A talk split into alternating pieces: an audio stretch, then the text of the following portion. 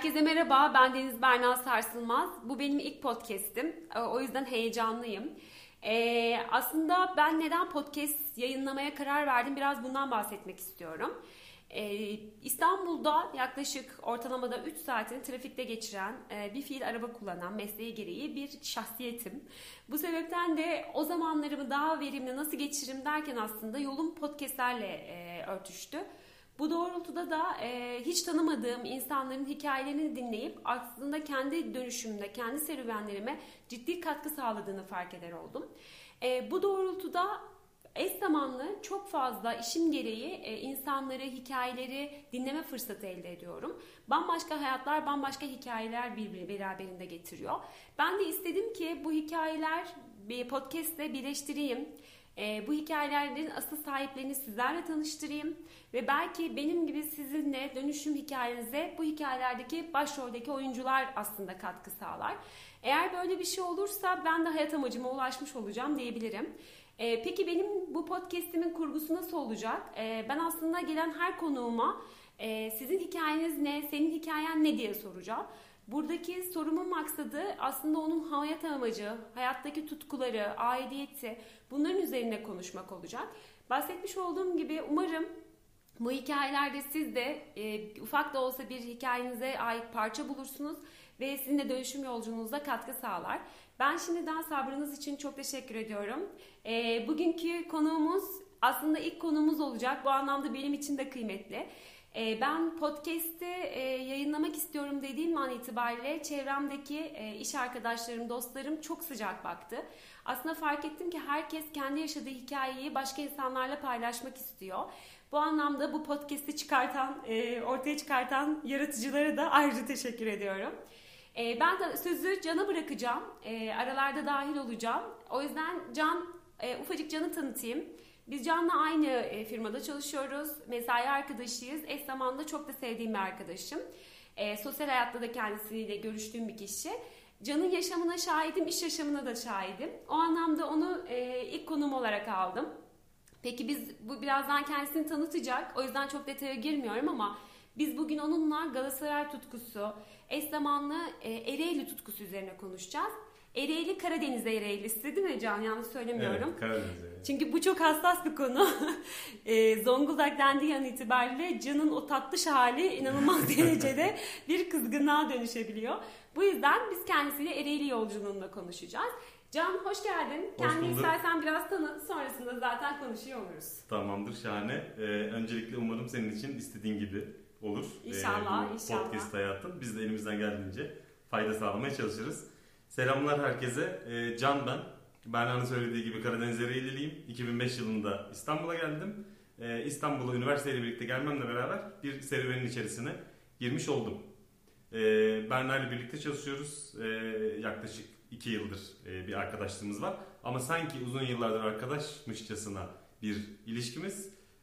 Ve sanki Ereğli'deki arkadaşlarım gibi e, Berna'yı konumlandırdığım e, bir yer var aslında. O yüzden tekrardan hoş bulduk diyorum. Ben de tekrar hoş geldin diyorum. Arkadaşlar şimdi söylediği cümle benim için çok kıymetli. Birazdan o konuyu başka bir başlıkta konuşacağız ama Ereğli'deki arkadaşlarıyla İstanbul'daki arkadaşların örtüştürmesi çok kıymetli bir şey. Şimdi bunu park ediyorum bu konuyu. İlerleyen safhalarda değineceğiz. Peki o halde Can tekrar hoş geldin diyorum. Şimdi gerçekten ciddi bir Galatasaray tutkunusun. Yani ben normal şartlarda babam Beşiktaş'ta olduğu için Beşiktaş'ta olan e, aslında yalaka bir evladın ürünüyüm. Çok net bir sunu söyleyebilirim. O yüzden maçlar, o açıkçası bir e, fanatizm duygusu bende çok fazla yok. Bunu anlama şansını açıkçası uzun zamandan sonra ilk defa sende gördüm. Hı hı. Ciddi bir Galatasaray fanatizmi var. E, peki şey sormak isterim. Yani senin kendi hayat yolunda Galatasaray'la kesiştiğin hangi özellikler var? Yani senin gittiğin yolla o Galatasaray fanatizmi nerede kesişiyor? Ben birazcık bunu dinlemek istiyorum senden. Tabii ki zevkle e, anlatabileceğim bir konu aslında. E, aslında kesişmekten ziyade şöyle bir durum söz konusu. E, Galatasaray'a ben bir aile terbiyesi, bir karakter e, gibi bakıyorum. E, tabii çocukluğumuzda herkes e, ailelerinin e, yetiştirdiği şekilde yetişir. E, ve ailelerinin e, onları görmek istediği e, şekilde hayatını devam ettirir. Fakat ben ailemden bir aile ter- terbiyesi e, ve bunun gibi şeyler görmek yerine Galatasaraylı'nın Galatasaraylılığın ne olduğunu gördüm daha çok. Yani e, Galatasaraylılık. Bizim ailemizin terbiyesi bize öğretmiş olduğu Galatasaraylılıktır. Her yani zaman. aslında aile Galatasaraylı olmayı bir edeple Doğru. geliştirmiş. Doğru Ee, mu anlıyorum? Çok benzer. Ee, şöyle herkesin oturmuş bir karakteri var dediğim gibi. Ee, Galatasaray'ı da bir karakter meselesi olarak düşündüğümüz zaman e, her Türkiye'de çok farklı takımlar var. Fenerbahçe'si var, Beşiktaş'ı var, işte Trabzonspor'u diğer Anadolu kulüpleri var. Ee, her takımın ben bir karakteri olduğunu düşünüyorum. Yani bizim ailemizde Galatasaray karakterine sahip bir aile. Ee, Galatasaray karakteri nedir e, dediğimiz zaman her koşulda bir destek söz konusu Galatasaray'a Ee, ve şu demek aynı zamanda Galatasaray'ın bir lise kültürü vardır. Galatasaray Lisesi kültürü. Bu lise kültürü Çanakkale Savaşı'nda farkını yaratmıştır. Ee, bu yarattığı fark Çanakkale Savaşı'nda e, 8 yaşında 9 yaşında çocukların gittiği ve lisede bir sınıfın gidip tamamen hiçbirinin geri dönemediği bir karakter söz konusu. Hiçbiri asker değil. Gidiyorlar, savaşıyorlar ülkeleri için ve e, geri dönemeden bir sınıf tamamen orada aslında hayatını kaybediyor, şehit oluyorlar. E, biz de koşulsuz bir sevgi yani aslına bakarsanız. Planlı programlı değil. Bizim hayatımızın e, en üst noktasına koyduğumuz bir karakterin sonucu e, Galatasaraylılığımız ortaya çıktı diyebilirim. Peki aslında çok güzel noktalara değin- değindin. Hı hı. Hani artık biz gün sonunda insan kaynakları sektöründe olduğumuz için halihazırda şu an bütün kurumlar insanlara değerleri, tutkuları üzerine bir e, değerleme yapıyor. Peki ben şey sormak isterim. Galatasaray'ın hangi değeri senin ve yetiştiren ailenle ve seninle örtüştü? Birlik beraberlik ilk söyleyebileceğim şey hatta en önemlisi de budur zaten. Ee, yani tribüne gittiğimiz zaman çok farklı insanlar var. Çok farklı siyasi görüşte olan, çok farklı düşüncelere sahip olan insanlar var. Ama biz sevinçlerimizi ilk onlarla yaşarız. İlk onlara sarılırız. Hiç tasvip etmediğim veya onların benim fikirlerimi tasvip etmediği e, arkadaşlarla ilk sarılmalarımızı onlarla yaşarız. Yani birliği gördüm ben burada diyebilirim. Aslında bir olmak, bir Doğru. olmak, birlik vesaire. Peki e, ben seni biliyorum. Evet. Yani örnek veriyorum. Mesela Can bir organizasyon yapacağız tüm şirket. Eğer Can'ın Galatasaray maçı varsa o gün mümkün değil. e, biz o organizasyonu yapamayız. E, bu tarz bir aidiyet var. Gerçekten ciddi bir aidiyet. E, ve çok da skoru takip eden de bir yapım var. Ben seni yakından tanıyorum. Peki şey soracağım. Mesela Galatasaray'ın e, küme düşeceği zamanlarda elbet oluyor. Sen onda da sıkı bir takipçi misin? E, küme düşeceği zaman çok olmasa bile e, en azından Farkındaysanız burada da eleştiriye çok açık değil arkadaşım. e, Galatasaray her zaman e, yukarıları hedefleyen, e, Türk bayrağını Avrupa'da temsil etmek e, isteyen bir takımdır her zaman. Dolayısıyla küme düşeceği zaman çok olmasa bile başarısız olduğumuz dönemler mutlaka oluyor. Dünkü Saint Germain maçı gibi değil mi? Örneğin evet dün akşamki Paris Saint Germain Evet. maçı. 5 tane yedik, gol atamadık. E, canları sağ olsun biz oynanan oyuna veya takımdaki futbolculara değil bu Galatasaray'ın bize oturtmuş olduğu karaktere ve renklere ve armanın e, peşinde her zaman giden insanlarız. Hiç problem değil. Kötü günler olduğu gibi iyi günlerde e, gelecektir yakın zamanda. Zaten Galatasaray'ın iyi günlerine alışığız. E, kötü günde de sırtımızı e, dönecek değiliz tabii ki. Tabii peki. Aslında farkındaysanız ciddi bir Galatasaray aşığı olduğunu her şekliyle, her cümlesiyle Can vurguluyor. Peki şey sormak isterim. Şimdi e, anladığım kadarıyla senin Ereğli'deki arkadaşların da aslında Hı hı. bir Galatasaray fan- fanatizmi var. Doğru muyum? Çevrendeki çoğu insan Galatasaraylı Galatasaraylı. diyebilirim. Diğer takımlardan da e, arkadaşlarım var tabii ki ama e, Galatasaraylı çok daha fazla arkadaşım olduğunu söyleyebilirim. Söyleyebilirsin. Peki. Şimdi sen bana hep aslında başta söylediğini şimdi sormak isterim. Biraz da Ereğli'den konuşmak Hı isterim. hı. Ee, ben birçok insanla e, üniversitede arkadaşlarımız oldu işte şimdilerde insanlarla iletişimdeyiz. Birçok insan farklı farklı şehirlerden İstanbul'a gelmiş. Hı hı. Ee, gün sonunda İstanbul işin kaynağı vesaire ya da yaşamını burada sürdürmeye karar vermiş. Birçok insan gördüm ama gördüğüm insanlardan e, en böyle geldiği yere ait olan sensin. Hı hı. Ee, ve Ereğli senin için bir marka. Yani yanına Doğru. e, örnek veriyorum X bir şehir yanlışlıkla söylendiğinde bile ciddi tepkiye neden alabiliyor. Bu kadar seviyorsun. Peki Ereğli nasıl bir yer? Yani nasıl bir e, senin hangi değerinle e, e, Ereğli'deki yaşam ya da Ereğli örtüştü ki bu kadar kendini oraya ait, bu kadar kendini onu savunurken buluyorsun? Hı hı. Bunu merak Ee, ediyorum. Şöyle aslında çok e, net bir cevabı var. Arkadaşlık.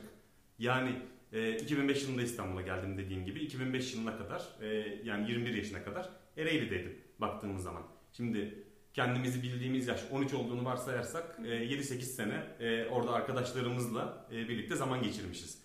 Yani arkadaşlık şu İstanbul'a geldiğimiz zaman herkesin kafasında bir soru işareti gördüm. Fakat Ereğli'de önce arkadaşlık gelir. Dolayısıyla beni Ereğli'ye bağlayan en önemli etkenlerden bir tanesi budur. Yani şunu diyebilir miyiz sence Can? İstanbul çok daha kozmopolit, daha hı. kalabalık. Bu sebepten kaynaklı insanların kaygıları çok daha yüksek mi diyebiliriz? Doğru mu anlıyorum? Doğru bir güven problemi var aslında. İnsanların birbirlerine güven problemi. İstanbul'da birbirine güven problemi var. Yani İstanbul'a geldiğimde herkese güvenmeye e, başladım. Tabii ki böyle yetişmişiz, böyle büyümüşüz sonuçta. E, güvenmeye başladım fakat güvendiğim insanlardan e, bana karşı yapamaması gereken hareketler de görmeye başladım aynı zamanda. Bunun beni e, evet İstanbul böyleymiş, e, kabul edelim diyebileceğim bir durumdu. Fakat e, güven problemi benim kabul edebileceğim bir durum değil aslında. Çünkü hiç bunu tecrübe etmedim. E, Evet. Sokağa çıktığımız zaman Ereğli'de başımıza bir şey gelse ya da başımıza bir şey gelmesine gerek yok. Karşıdan geçen bir insan benim karnımın aç olduğunu hissetmesi bile yeterli oluyor benim e, karnımı doyurabilmesi için. Dolayısıyla İstanbul'da sokakta tabiri caizse ölüyorum dediğimiz zaman yardım e, edilemeye, edilememe potansiyelini de gördüm. Bu beni ilk başlarda ürkütmüştü açıkçası. E, fakat e, sonrasında tabii ki biz de bir şekilde alıştık İstanbul'un hızlı hayatına. Hızlı hayatına. Evet. Peki Ereğli'deki dostluklar nasıldı? Yani oradaki dostluklar buraya nasıl geldi? Ben oradaki aslında sorma, aslında niye iki konu bence çok entegre. Seninle konuşmuştuk bunu. Yani günün sonunda iki tutku var. Galatasaray artı Ereğli. Bunların ikisinin de aslında birleştiği yer birlik olma, takım olma, komün olma. Yani sen aslında anladığım Doğru. kadarıyla Hı hı. bu iki e, değerden birleşiyorsun ve iki değer üzerine kurguladığın bir hayatın var. Doğru anlayabilir miyiz? Doğru aynen öyle. Ereğli'yi bir simge olarak düşünebiliriz. Burada Ereğli'deki arkadaşlıkları katabiliriz. Ee, Galatasaray'da çocukluktan beri zaten e, gelen bir ilgimiz var. Fakat her yerde yani e, müşterilerimizle konuştuğumuz zaman, e, arkadaşlarımızla birlikte olduğumuz zaman bir birlik e, olmak gerekir aslına bakarsanız. Yani şimdi Türkiye gelişmekte olan bir ülke. Gelişmekte olan ülkelerde yaşanan sıkıntıları mutlaka yaşıyoruz zaten. E, tam böyle oturtmuş olduğumuz, e, insanların kafasına oturtmuş olduğu bir karakterleri henüz maalesef yok. E, sonrasında yani bu mutlaka gelişecektir. Biz belki görmeyiz o dönemleri ama e, güven esastır e, baktığımız zaman. Şimdi İstanbul'da da şöyle bir sıkıntı var. İnsanlar birbirlerine güveniyor. Güven birbirlerine güvenen insanlar e, sıkıntılarla karşılaşıyorlar. Dolayısıyla sonrasında insanları güvenmemeye karar veriyorlar. E, güvenmemeye karar verildiği zaman zaten e, bu da çevresindeki e, herkese etkilemiş oluyor. Aslında ilişkileri zedeliyor vesaire vesaire. Doğru, aynen öyle. Tabii onlar da haklılar çünkü yaşamış olduğu kötü tecrübeler var. Evet. Bu nedenle e, Daha korunaklı oluyor. Ama korunaklı Ereğli'de oluyor. yaşarken aslında siz daha cesur hamleler yapıyordunuz. Çünkü hani kesinlikle. sizin zaten güvenle ilgili herhangi bir probleminiz yoktu. Hı hı. Gelişim alanı daha rahat bir ortamda oluyordu. Benim anladığım o aslında. Aynen öyle. Benim 7 yaşında evimin anahtarı vardı. Ben eve girip çıkabiliyordum yani kendi başıma. Aslında- İstediğim zaman giriyordum, istediğim zaman çıkıyordum. Peki şu zaman. mudur aslında belki başka bir tartışmaya açacak ortaya. Küçük yerlerde yaşayan insanlar karakter anlamında e, kendini daha iyi yetiştirebiliyor diyebilir miyiz? Diyebiliriz. Çok Çünkü net. İstanbul bu anlamda aileler ne yapıyor şimdi işte daha sitelere gidiyor ki korunaklı olsun daha farklı olsun ama küçük yerlerde yaşamak aslında küçük e, oranın daha güvenli alan olması nedeniyle daha hızlı büyümeyi sağlıyor diyebiliriz. Doğru. Aynen öyle. Doğru yani ben de buna Hı hı. katılıyorum aslında bu belki bu konuşma e, şu an hali hazırda 96'lı jenerasyonların üniversitede olduğu bir dönem. E, Çok Evet. fazla insan geliyor buraya farklı farklı şehirlerden. Birçok insan bunu her dönemde yaşıyor ama anladığım kadarıyla şu son dönemlerde biz bunu daha fazla hisseder olduk Doğru. diyebiliriz. Aynen öyle maalesef. E, aslında e, Ereğlili arkadaşlarımdan bir tanesinin de çok ilginç bir hikayesi vardı. E, o anlamda ben senin paylaşmanı bunu çok istiyorum. Öyle mi? Hangisi? Ee, belki isim vermeden böyle bir paylaşma yani bir kişinin Hı hı. e, dostluk nasıl hayatını kurtardığını bence anlatabilirsin. Ee, Evet. O anlamda gerçekten ilginç bir hikaye çünkü İstanbul'da tabii ki hepimiz her şeye yetişmeye ve hızlı bir şekilde koşmaya çalışıyoruz bir şeylere, yetişmeye çalışıyoruz. Ee, ama e, bazen o yoğunlukta e, o e, bazı şeyleri atlayabiliyoruz hayatımızda, dostlarımızla alakalı. Hı hı. Çünkü çok fazla şeyle meşgul oluyoruz. Ama e, işte kurulan temeldeki güzel dostluklar sayesinde aslında o kişinin geçmişindeki birçok şeyi biliyor olman sana o kişinin hayatını kurtarmasını sağlayabiliyor. Hı hı. Ben o yüzden senden o hikayeyi de anlatmanı rica edeceğim. Belki isim vermeden anlatırsın. Tabii tabii isim vermeyeyim zaten. Ee, çok yakın bir arkadaşım, çocukluk arkadaşım yani bebeklikten arkadaşım e, diyebileceğim bir arkadaşım. E, o da İstanbul'da yaşıyor. E, Ereğlili arkadaşlarım bu arada İstanbul'a benimle birlikte gelirler. En az 3 ay kalırlar. Sonra kendi hayatlarını kurarlar. Sen de setup'ı yapıyorlar anladığım doğru, kadarıyla. doğru, aynen öyle. Biz de Ereğli'yi buraya getirmeye çalışıyoruz. En azından Anlıyorum. İstanbul bunu hazır kendimizi mı emin değiliz. getirmeye çalışıyoruz. e, o arkadaşlarımdan bir tanesi e, içki içen bir arkadaşım. E, içki içiyor. E, içkiyi biraz fazla da seven bir arkadaşım. Dolayısıyla içki de son dönemde pahalandı biliyorsunuz. Bunun için farklı yollara gidiliyor. E, ev yapımı içkiler olsun e, veya ucuza içki temin edilebilecek yerler olsun. İstanbul'un çeşitli yerlerinde maalesef e, bunlarla karşılaşıyoruz. E, uzun zamandır içki içen bir arkadaşım bir gün içki alıyor yine ucuza içki alabileceği bir yerden. Yani yarı yarıya bir fiyat farkı var. Çok içtiğince tabii maliyeti düşünmek gerekiyor mutlaka. Alıyor, içiyor. İçtikten sonra işte bir fenalaşma oluyor. Arkadaşım aynı zamanda fenalaşan da bir insandır. Yani panik hata da olan birisi olduğu için ben ilk etapta e, onu öyle bir durum olarak e, düşünüyorum. Bir gün beni aradı sabah işte şöyledir ben kötüyüm e, benim yanıma gel. Ben de fenalaştığını bildiğim için arada bir panik ataktan dolayı sen dedim bir orada diyazan falan yaptır kendine doktorlara söyle ben dedim e, gerekirse gelirim tekrardan. Neyse 2 saat 3 saat geçiyor e, sonra beni baş, arkadaşımın telefonundan başka birisi arıyor. E, arkadaşımın kötü olduğunu söylüyor. E, ben de işte apar topar gidiyorum hastaneye falan. E, arkadaşım orada biraz eksik anlatmış. İçki içtiğini anlatmış fakat içkiyi ucuza aldığını e, bunun sahte olabileceğini anlatmamış doktora. E, bana bunu söylüyor. E, do- daha doğrusu doktor bana bunu söylüyor işte nedir durum falan dediğimde. E, o da içki içtiğini söylemiş doktora. Yok dedim içki normal bir içki değil o yani sahte içki satan bir yerden içki aldı dedim. E, ondan sonra apar topar işte baş, evler, evlerden doktorlar çağrıldı. Çok fazla karşılaşılan bir durum değil sonuç olarak bu. E, doktorlar çağrıldı. Doktor geldi. işte arkadaşın iki saat içerisinde eks olacağını söyledi diğer doktora. Ben de bunu duydum. E, arkadaşım da bana demişti kimseye haber verme. Kimsenin haberi olmasın, üzülmesin ailem, aile fertlerim, diğer arkadaşlarım demişti. E, ben tabii iki saat içerisinde eks olacak diye bir cümle duyunca korku, panik ve üzüntüyle birlikte bütün Ereğli'yi buraya yığdım. Bir otobüs adam getirdim buraya ailesinden aslında. Ee, sonrasında 3 gün yoğun bakımda kaldı. Yoğun bakımda da çok enteresan bir durum var. Ee, biz yoğun bakım kapısında beklerken genç bir doktor 23-24 yaşlarında e, dışarı çıktı. İşte kimdir e, bu arkadaşın ailesi dediğinde gittik. E, nedir durumu dedik. Dedi ki bir 70'lik rakı alın gelin. Allah Allah şaka mı yapıyorsun? Be- beyaz peynir de alalım mı falan diyoruz biz doktora. Ee, yok dedi beyaz peynir almayın rakıyı alın gelin dedi. Neyse rakıyı aldık geldik yoğun bakımda arkadaşa bir serum gibi düşünün. Serumla midesine damla damla rakıyı veriyor. Ee, sonrasında 3 günlük yoğun bakımın ardından böyle yoğun bakımlarda pratisyen hekimler olur. Bu bahsettiğimiz kişi pratisyen. Ee, bu pratisyenlerden biri almak için profesörler gezerler. Profesör geziyor işte benim arkadaşımın başına geliyor. Diyor ki Aa, daha yaşıyor bu ölmemiş hayret falan gibi cümleler kuruyor orada. Nasıl kurtardın diyor pratisyene. Pratisyen de işte anlatıyor. Rakı aldım, rakı verdim. Allah Allah o ne demek falan diyor yani profesör bilmiyor. Hocam internetten baktım diyor. Sahte rakıya ne iyi gelir yazdım diyor. Gerçek rakı e, iyi gelir demiş. E, internette yani bunu bulmuş. İnternette görüyor ve arkadaşımızın hayatını kurtarıyor. Böylelikle. Aslında şey çıkıyor. Sen böyle konuşurken arka planda düşün, bir iki düşündüm ve şunu gözlemledim. Şimdi İstanbul'da dediğin şey o kadar doğru ki hani küçük yerlerde e, bütün kanatlar açık. Her şeyi şeffaflığıyla anlatıyorsun. Hı hı. Çünkü oradaki arkadaşlık ve dostluk ilişkisinde kimse kimseyi yargılamıyor. Doğru. Yargılamadığını bildiğin için de çok rahat Hı hı. içini açabiliyorsun ve çok samimi bir dostluk oluşuyor. Ama İstanbul'da biraz daha insanlar kendi kabuğunda kalmayı tercih edebiliyor dediğin doğru. Yani Doğru. Oradaki e, dostluklarda biraz daha acaba yargılanır mıyım? Acaba hı. bunu da söylersem yargılanır mıyım der, deyip aslında birçok şeyi eksik söyleyebiliyor. Belki trajikomik bir hikaye bu arada. Hı hı. Yani Ama arkadaşımız her zaman konuşuruz yani. konuşup Güzel gerçekten bir hikaye hikayesi. Bence de hani Ya çok da benzer e, konuyla sözünü kesiyorum. Çok pardon. E, ben Ereğli'den bir otobüs adamı buraya getirdim. Sorgusuz sualsiz geldiler. Gelebilecekleri en kısa sürede geldiler.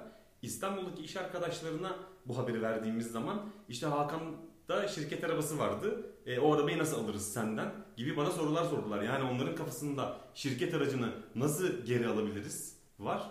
E bizim kafamızda da Hakan'ı nasıl hayatta tutabiliriz var. Baktığımız Evet. zaman. Doğru. Yani deneyimlediğin şeyler aslında söylediğin şeye çıkıyor. E, Evet. Burada da erilliğe olan tutkunu anlayabiliyorum. E, Ben İstanbul'da uzun yıllardır yaşayan biriyim. Hı hı. E, 25 yıllık dostlarım burada oluştu. Evet. Ama ben küçük bir mahallede büyüdüm. E senin de o şansın var Aynen gerçekten. yani küçük bir mahallede büyüdüğüm için aslında e, her şeyiyle çok şeffaf anlattığımız ve iletişim kurduğumuz bir ilişkimiz vardı. Bu gerçekten çok bambaşka, çok kıymetli bir şey. Yani insanın hayatında insanı yargılamayan, olduğu gibi kabul eden e, insanların var olması çok kıymetli. Hı hı. Bu da zaten işte insanın bence değerini, tutkusunu Mutlaka. oluşturuyor. Aynen öyle. Ee, aslında genel itibariyle biz e, konuşmak istediğim her noktaya değindim seninle. Evet. Galatasaray, Ereğli vesaire Hı hı. aidiyet, değer, tutku bizim için çok kıymetliydi. Ee, ben bugün için sana çok teşekkür ediyorum. Verdiğin değerli bilgiler, aktarımların için. İnşallah biz de bu aktarımların Hı bir dinleyen arkadaşlarıma farklı kanallar, farklı e, yollar açar. Tekrar teşekkürler. Çok Ağzına teşekkür ederim davet ettiğin için çok sağ ol. Çok sağ ol. İyi günler.